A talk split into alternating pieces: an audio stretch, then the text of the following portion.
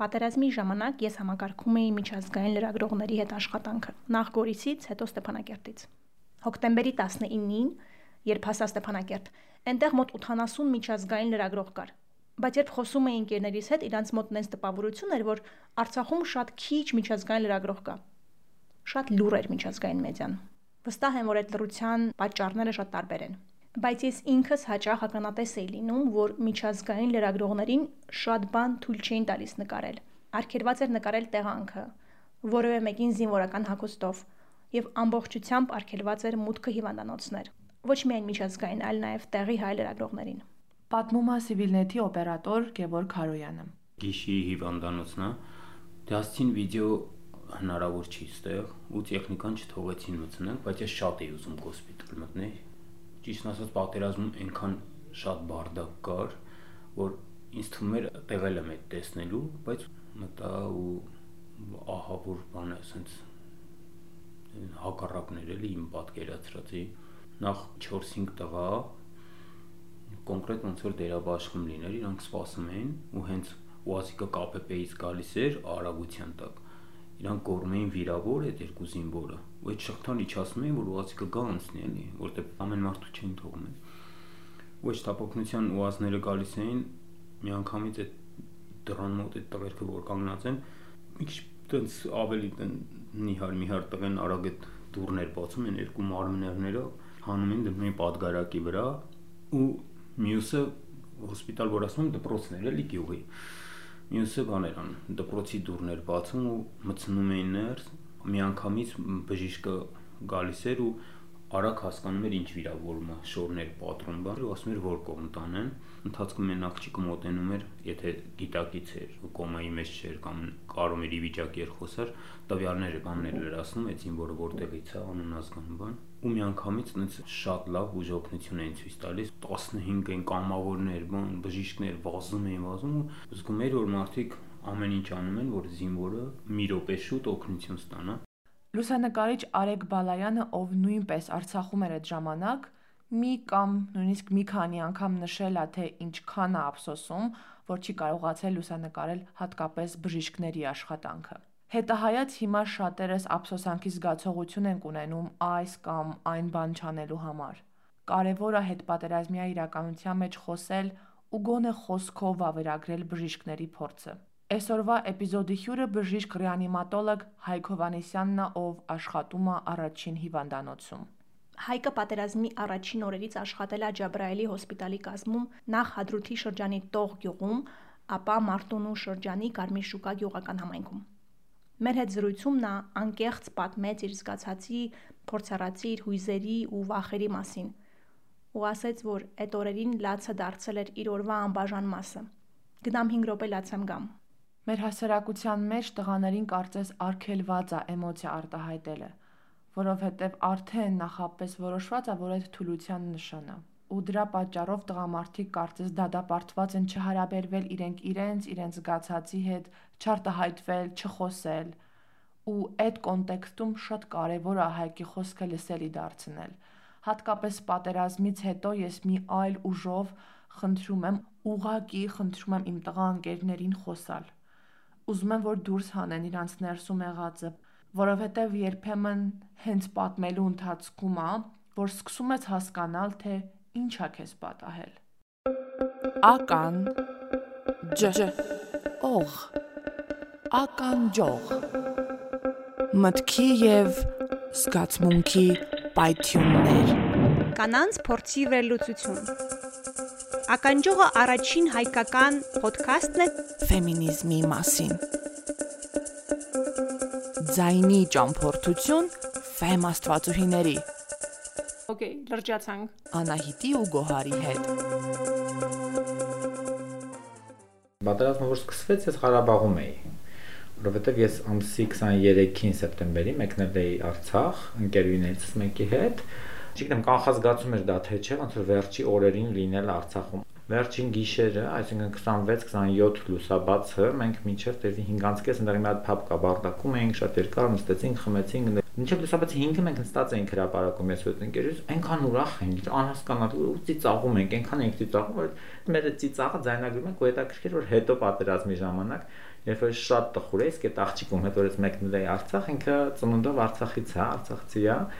ու ինքը երևի տենց 24 ժամ ինքը իմ հետ էր, երբ որ ես պատերազմում էի, ինքը գրում էր ու բարբերաբար այդ ծիծաղացներ միացրել լսի ու անկախ դրամատուրգից, որ ծիծաղը միացնում է, սկսում է լսել, ակամա սկսում է ծիծաղ, այդքան ուրախ ենք, այդքան անհոգ ծիծաղում ենք ու քնեցինք երկու ժամ հետո սկսվեց պատերազմը իրական վերադարձանք հյուրանոց քնեցինք 27-ին առավոտյան սկսեց ու իրականում ես դες չէի հավատում ընդհանրապես չի հավատում, որտեղ այդ աղջիկից քան որ ինքը պատերազմի ասենք մի քանի տան նկուղում ապրել, հա ինքը իրան այնքան ծանոթ էր առաջին հենց կրակոցից ինքը հիստերիայի մեջ արթնացավ ու ասաց որ պատերազմը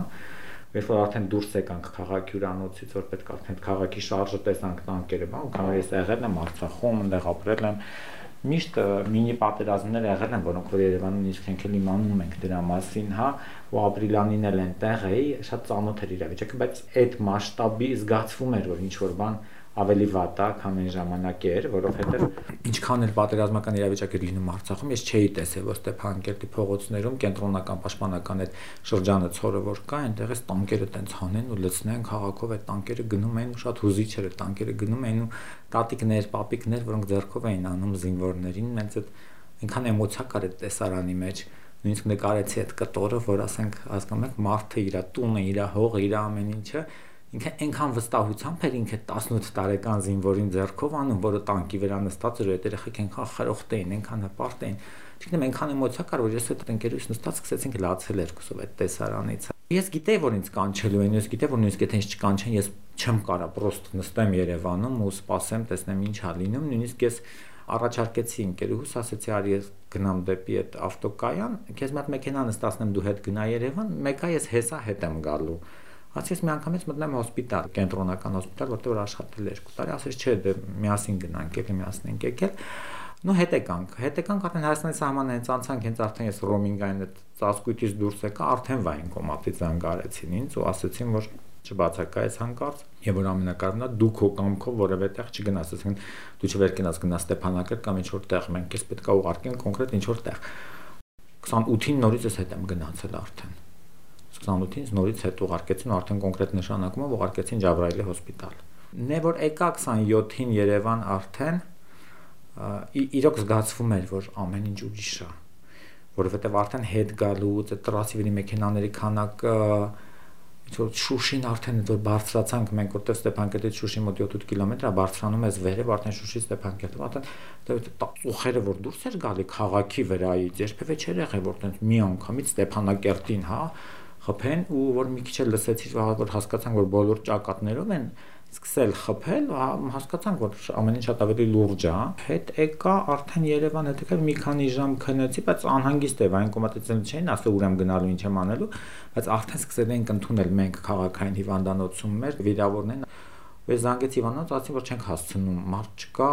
ու դեբժիշներ տարբեր գրանցված ենք, մեկը Կիրովականի վայեն կամատիցաներան ընդե են կանչել, արդեն սկսել էին հավաքել տղաներին։ Մարդ չէր մնացած, ես կգամ հիվանդանոց հեսա ու գնացի հիվանդանոց, որ չմնամ հիվանդանոցում այդ օրը, որովհետև պետք է օգնել, որովհետև քանակով բերում էին, անդադ վիրավորներ էին բերում, մնացի հիվանդանոցում, բայց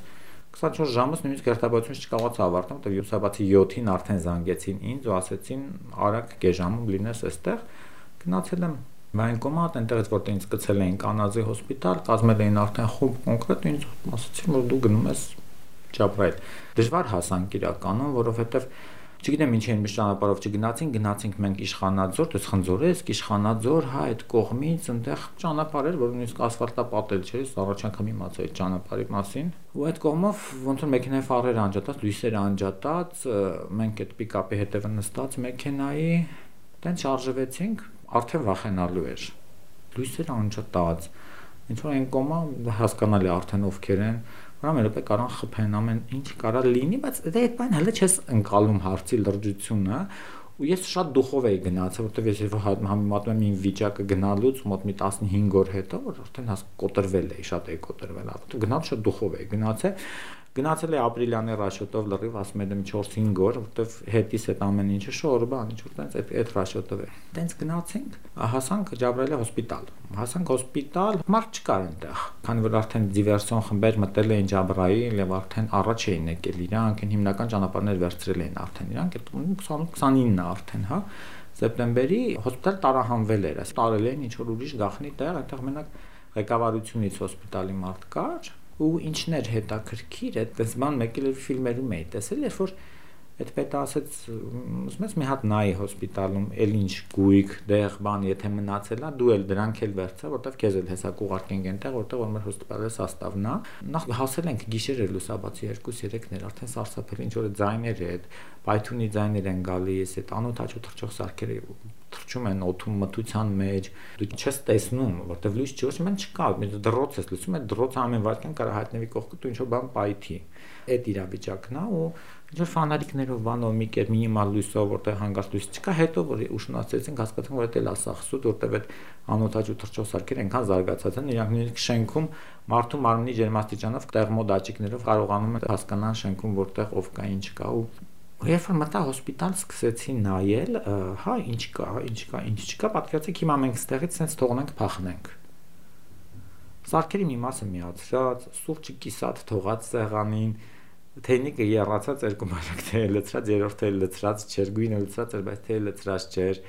ասենք դեղը հավաքած ներարկիչը դեղի այդ սրվակի մեջ թողած, ասենք հասկացա, որ այդ եկել էին ասեն արագացրեք, փախեք ստեղից, այս վիճակն էր եղել ու ինչ որ բաներ հավաքեցինք տենց էլի, որը որ կարող է մեզ այնտեղ պետք կար։ Մի հատ ուժ մեքենայով մեզ ուղարկեցին այնտեղից Հադրութի Հիվանդանոց։ Ու տարան էլի ինչ որ սենց Զարթուղի ճանապարհով, որը անտառի մեջ էր, ու էլի լույսերը անջատած որտեվ հիմնական տրասը ասեցին, որ գրավված է արդեն, то есть որ գրավված այնտեղ թուրքեր կան ու անվտանգ չի այնտեղով գնալ Ես իրականում հումորով եմ միշտ սիրում եմ ինքսին վրա ղժալ առաջինը, հետո նոր իրավիճակի կամ նած տաների։ Իսկ այդ վիճակում ահավոր ծիծաղալու էր, որտեվ տալիս են մի հատ մարդ, որը որ կամավոր վարորդ է, որը որ եղել է մի 5 տարի առաջ Ջաբրայիլում, չգիտես ինչ գործով, որին ասում են, որ անտառով կգնաս, տրասով չգնաս, ասում է եղավ։ Ու ստում եմ կողքը, ես երկու քույրեր, ասում եմ, գիտեք ճանապարհը, ասում է, դե հա, մի 6 տարի առաջ որ ստեով գնացել եմ։ Հա, էլի, ասենք, լավ, ասում եմ, օքեյ։ Ու ես նստել եմ քնել եմ, sense դիմաց, որտեվ օր չեմ քնել արդեն հիվանդանոցում հերթապահազբոն։ Ու քույրս ասում է, զանում ո՞նց ես քնասում եմ, ինչ անեմ։ Հա, հասկանում ես, որ ամեն րոպե տանտարն ինչ մեկը կրա մեքենա դեմը անկապ մի փախած օփել այդ մարդը հիմա տենց եկել ինքը վարորդ է ինքը իր մեքենայով եկել որպես կամավոր չէ որևէ բան չես կարող այդ մարդուն ասես Ոսենք այդ տոփելով ինչ պետք է անես այդ անտառում ոչ մի բան ու ասենք դու գնում ես դե լավ գնացիր բայց հասանք ամեն դեպքում ասենք հադրուտ իրական մեջ պետք է հադրուտ ուղարկեն չգիտեմ ինչի են ուղարկի ասենք հադրուտի հիվանդանոց որտեղ ոչ դեքան որ չգիտեի այդ կարգերը որ ցերեկ ընդունում են վիրավորներ этаպային տեղափոխում են այդ վիրավորներին ավելի հետ, վիրավոր չպետք է մնա։ Մենք հասանք հադրութի վանանցում, Հիվանդոսը դատարկ էր, ոչ մեկ չկար, պացիենտ չկար, վիրավոր չկար, ես ասում լավ, ես պատերազմ, ոչ վիրավոր ունեմ, ոչ բան ունեմ, անում, երևի թեթևա պոցից անցրել են ամեն ինչ ու բանակում քան որ ֆորմալություն ասում եմ հա էլի անիմաստ բերել են ինձ ստեյ հիմա ինչ պետք է անեմ ուտես բան եմ գալի այդ հիվանդած մաղ չկա ու ու ես մոտավորապես Ջավրելի հոսպիտալի բժիշկներին է ճանաչում եմ իրանց հետ անդադ խոսում եմ իրանք չեն կարող հեռացով ասեն իրանք որտեղ են բայց միևնույն ժամանակ ասում են դու սխալ ես գնացել, դու հադրուտ չպետք է գնայր, դու պետք է գայր մեր մոտ, ասում եմ դու որտեղ ես, ասում եմ թե մոտ ենք հադրութին, բայց տեղը չեմ կարող ասեմ։ Ասում եմ դիմա չգիտեմ, ինձ տեղ են ուղարկես, չգիտեմ ինչ անեմ։ Լավ 3-ն է գիշերվա, խոսքում երկար ման եկանք այդ հիվանդանոցում մարդ չգտանք, ոչ պահակին տեսանք, ինչ որ հերթապահ մի երկու բժիշկ էին, անեստեզիոլոգ, վիրաբույժ, որոնք այնց խմում էին մոմի լույսի տակ, որտեղ լույս չի կարելի վառել, որտեղ տագնապա։ Այդտենց նստեցինք, մենք ինչ որ խմեցինք, խոսացինք, ինչ որ քնեցինք, առավոտազարթնեցինք, ես կվարավոտը մեզ արդեն ուղարկեցին տող գյուղ, որտեղ որ իրոք հիմնական սաստավներ, Ջաբրայելի հոսպիտալի անձնակազմներ ու տենց գնացինք միացանք այնտեղ ու իրանք տարահանված են, իրանք էլ նոր էին հասել, то есть գույքը նոր վերցրած հասել էին այդտեղ, դե պատկասում եք, հոսպիտալային գույք դու վերցնում ես ամբողջ ապարատուրան, ամեն ինչը, թթված էին բալոններով, սարքեր բանման ու ոչ հոսպիտալային շենքում, որը որ արվեստի դպրոցն էր տողի այդ գյուղի, այնտեղ պետքա ծավալենք հոսպիտալ ու դժվար է, որոշման հարմարացված չի։ Ինչ նոր էլեկտրիկ ինչ որ լարեր, ակաշում, նոր ինչ որ այդ ամեն ինչը պետք է միացնես ու քեզ անդադ ասում ինչքան ժամանակ ես կարանք վիրավոր ընդունենք, ինչքան ժամանակ ես կարանք վիրավոր ընդունենք։ Դուք մոտավորապես համ 40 րոպե մարակ ինչ որ հավաքել ենք, բան ենք արել, ինչ որ գույք բան դրել ենք ու ու բերեցին վիրավորներին ու իրականում ամենածանրը մեր թևն էր, դոյ Ջաբրայելի թևն էր, որտեղ իրանք այդ թևը ճեղքեցին, գրավելով առաջիկան մինչև Շուշի հասան ու միշտ վիրավորների ու զոհերի քանակը մեր կողմն ա եղել այդ ժամանակ ընդունում էր Հադրութ Հիվանդանոցի վիրավորներին ու մենք, որ իրարից մի 3 կիլոմետր հեռավորության վրա են, բայց этаպային մենք դες քիչ-քիչ հետ եկանք, որովհետև անընդհատ իրանք առաջ էին գալի, մենք պետքա հետ գայինք։ Ու սկսեցին բերել վիրավորներին ու առաջին իսկ պատոկը, որ բերեցին վիրավորների, այլ եմ ասում ապրիլյանին, մյուս պատերազմների ժամանակ չի տեսել ես տենց բան։ Ես 2000 թվից հիվանդանոցային ուղարկում եմ աշխատում, որպես բուժակ եմ աշխատել, 3.5 տարի, հետո որպես բժիշկ ու շատ բան եմ տեսել, իրոք շատ բան։ Մեծ հիվանդանոցում եմ աշխատել, հիմա էլ եմ մեծ հիվանդանոցում աշխատում, որտեղ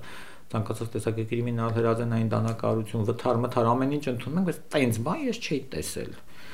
այդ զենքերի տեսակները երևում էր ինչերով են իրանք խփում, այդ massայական ոչնչացման զենքերով, այդ կասետային զենքերով, բաներով, որտեղ օրը 120 հոգի մոտավորապես ընդունում էինք ու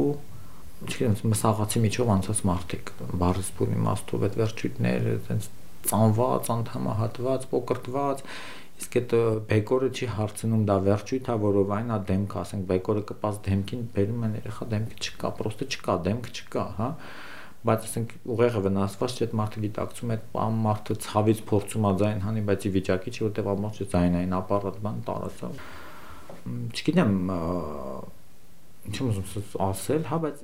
ինձ արդեն ողրեր, որ սկրիվ լավ ավարտ չի ունենալու ոչ մի ձև ինքը լավ ավարտ չի ունենալու, որովհետև վատ են, բայց բայց գացում էր, որ են ģեր պատրաստված են ու ով պրինցիպի իրանք 30 տարի պատրաստվել էին։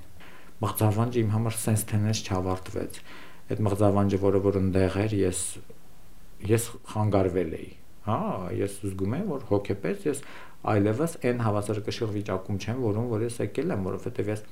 22 օր եմ մնացել այնտեղ 22 օրից եւ գումարեն մի 20-20 քանի ժամ եմ քնել այսինքն օրական մոտավորապես փորձում եմ քնել 2 ժամ միշտ քնում եմ 3 ժամին, որտեղ մութ են ծնկնում էր, իմ մոտ պանիկա էր սկսվում, որ չենք լուսացնելու։ Այս այս գիշերը մեր վերջին գիշերն է։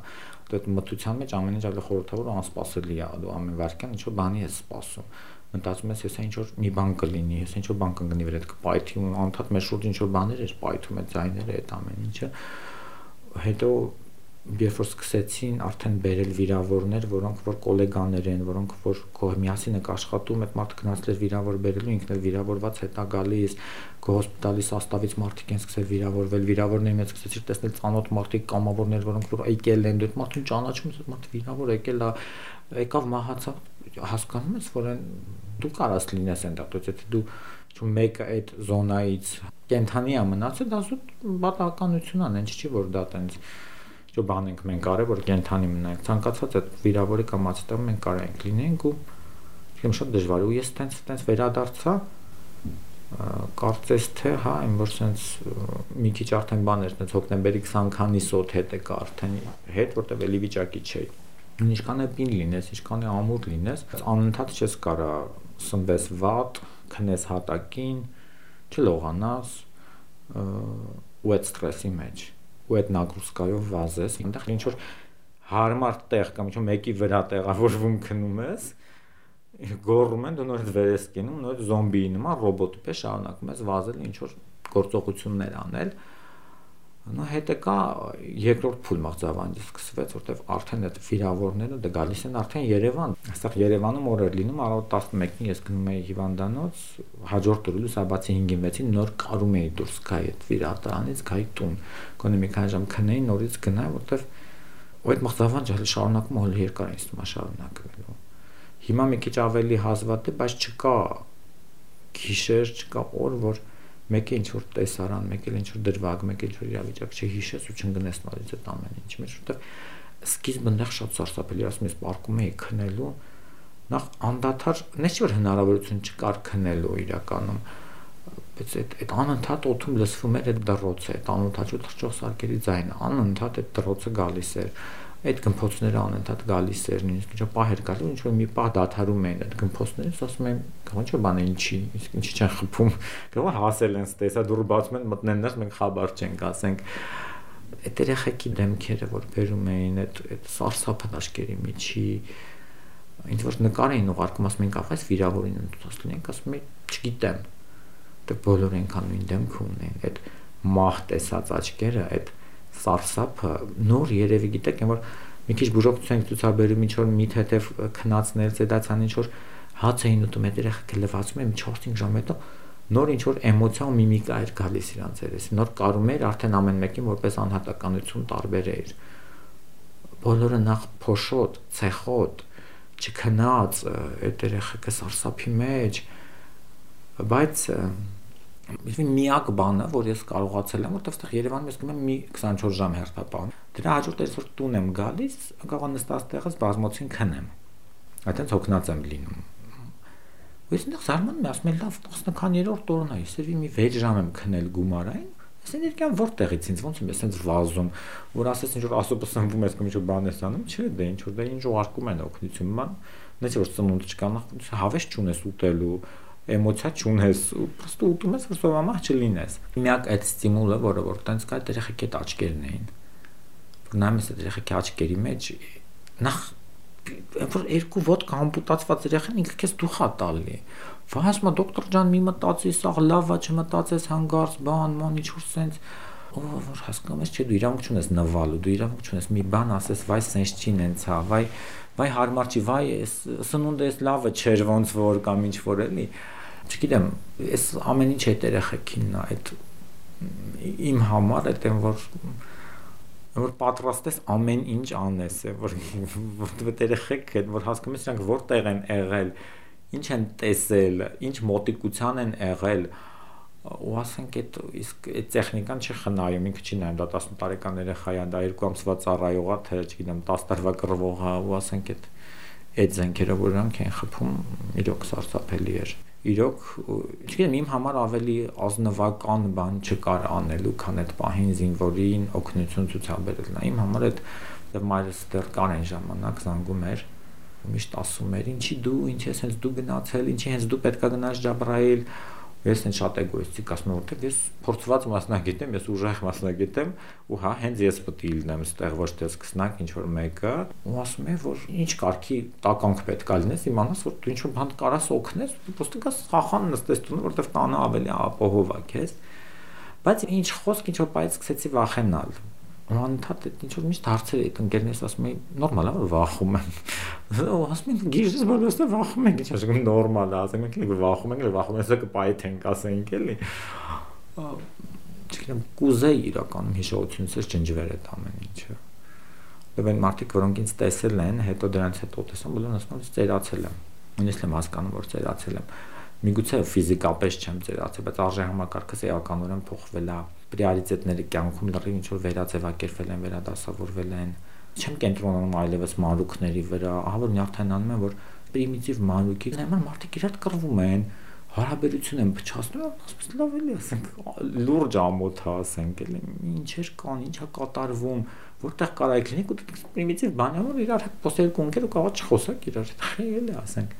չգիտեմ իրոք փոխվել եմ Իրականում մասնագիտական, հա, ինչ որ ինչ որ պահի switch ես լինում, դու ուղղակի պրոստը անջատում ես, վերանում ես իրականությունից ու պրոստը փորձում ես մասնագիտական ինչ որ բան անել, հա, այդ ավելի քեզ հեշտացնում է, որտեվ վրոդի լավ դու գոնե քո բժշկությունն ես անում, չես ուզում ոչ մել լսես, հասկանաս իրական, բայց ինչ մի պահ որ մի անում էր, հասկանում էր դու բժշկությունում վրա ես անում, ինչի արդյունքում այդ ամեն ինչը սարսափում էր։ Սարսափում էր ու բարբերաբար այդպես հիստերիաների ունեն, որտեղ ասենք ասում ենք այսքան վիրավոր բերեցին, լավ է, մարդ չմահացավ այսօր, բուժեցինք, այսքան 15 հոգու վիրահան, ինչ վիրահատեցինք ինչ մարդու մի ոտը կտրում ես, երկու ձեռը կտրում ես, աչքը հանում ես, հայր, բայց անում ես այդ սա, որ չմահանա ինքը, որովհետև այդ վնասվածները կյանքին վտանգ են սպառնում, պետք է արագ վերացնես այդ առնոսությունները, որ ինքը չմահանա, հա, ինքը հա չի մահանում, բայց արդյունքում ինչ ես ունենում խիստ անդամահատված, խիստ չգիտեմ հաշմանդամացած, հա, անձ, անձը որն է 18 տարեկան երեխա, 18 տարեկան, որը գրեթե ոչինչ չի հասցրել անի իր կյանքում, գրեթե ոչինչ չի հասցրել զգա։ Հա, որովհետև ավարտվել է պատերազմը, ամեն ինչ, հա, խախան լրված ենք ամեն մեկս, փորձում ենք մեր առօրյան, իսկ ինչ են անում այդ երեխեքը։ Արդյոք իրանք ճիշտ հոգեկան վիճակում են հիմա, հա իրանք իրանք ընտանիքների հետ են, բայց քան է վստահ չեմ որ ընտանիքներն էլ ունեն այդքան հոգեբանական գիտելիքներ որ կարողանան մարդկանց հետ ճիշտ աշխատեն։ Այնքան դժվար, այնքան մի փոքր անզգուշ մի հատ բառ, մի հատ բան դու կարաս իրանք նենց խախտես այդ ամեն ինչը հետ է կա, բայց որ հետո սկալուշ միտքը տնդեղ է ու այդ ու այդ զգացողությունը հենց հետաքրքիր է, ու ինչ որ բա երազում է որ երբեմն ես այդ գալու տուն եկա առաջին մամային գնաց տեսա։ Հայտնաբերեց առաջ անգամ որ մայրս խմում է։ Դա քրքիր է եկա տուն, մամաս բա չենք խմում, տուն ես եկել։ Որ արագ լցեց, սկսեցինք ես մաման խմել իրար հետ։ Հետո եկա իմ տուն, ան դուր բացեցի, եկա տանը նստեցի ու սկսեցի լացել։ այդ դատարկվածության զգացողությունից լավ եկել ես, հա, էս էր։ Հետո դու որ եկար հիմա տուն, մեծ որ բրծավ այդ ամեն ինչ ու դու հասկանում ես, որ ամեն ինչն ինձ այնտեղ շարունակվում է, պրոստը էլ դու դրա մեջ չես։ Ու դատարկության զգացողությունից սկսեցին ձայնով լացել մենակով տանը։ Երբ պատերազմից հետո ավելի էմոցիոնալ եմ դառա, ավելի լացկան եմ դառա։ Սկզբում այնտեղ ամաչում էի լացել, ու չէի ամաչում լացել։ Ասենք վերացության ժամանակ, ասենք գոլեգայս ասում էի 5 րոպե լացեմ գամ։ Շատ լուրջ կինի լացում է լուրջ դե ձենով լա հետո լվացվում է սիրուն նորից երկելով իջնում է ներքև ասում է լացեցի հա լացեցի այք ու տենց հետո ինչ որ կեսից ինչ որ բայց սկսած սկսեցի արդեն անթակույց լացել որ արդեն հիմա կլացեմ լացում է իրականում օգնում էր երևի լացել որտեղ ասում են լացող մարդիկ ստրեսակայուն են ավելի հիմա երբեմն փողոցում կարող եմ տեսնեմ ինչ որ վիրավոր զինվորի, որը իրանք են ճանաչում ինձ, որտեվ ես էլ եմ ասում, ես չեմ ճանաչում։ Կոմես վերջերը Պապաստանում էինք նստած, մեկն անցավ, գնաց եկավ նայեց, գնաց եկավ նայեց, այդ մարդը ասա դուք հայտնեք, ասեցի հա։ Ասում եմ ձեր դեռ կսեղմ եմ, մեր տղային դուք եք ասած այնտեղ բան արել, դուք եք եղել։ Գիտեմ, ինչ պարկ ես լավ ես զգում, ինչ որ հուզվում ես։ Պետք չի որ էլի պատերազմ լինի։ Իրոք պետք չի, որտեվ դա շատ վատ բան է շատ այդ եզակի բաներից ես միշտ ասում եմ պատերազմը չես կարա նկարագրես որ դիմացին հասկանա դու չես կարա նենց անես որ ինքը զգա այն ինչ որ դու ես զգացել այնտեղ որտեղ ինչքան էլ դա պատմես կարդաս կինո նայես երգ լսես կամ եսի ինչ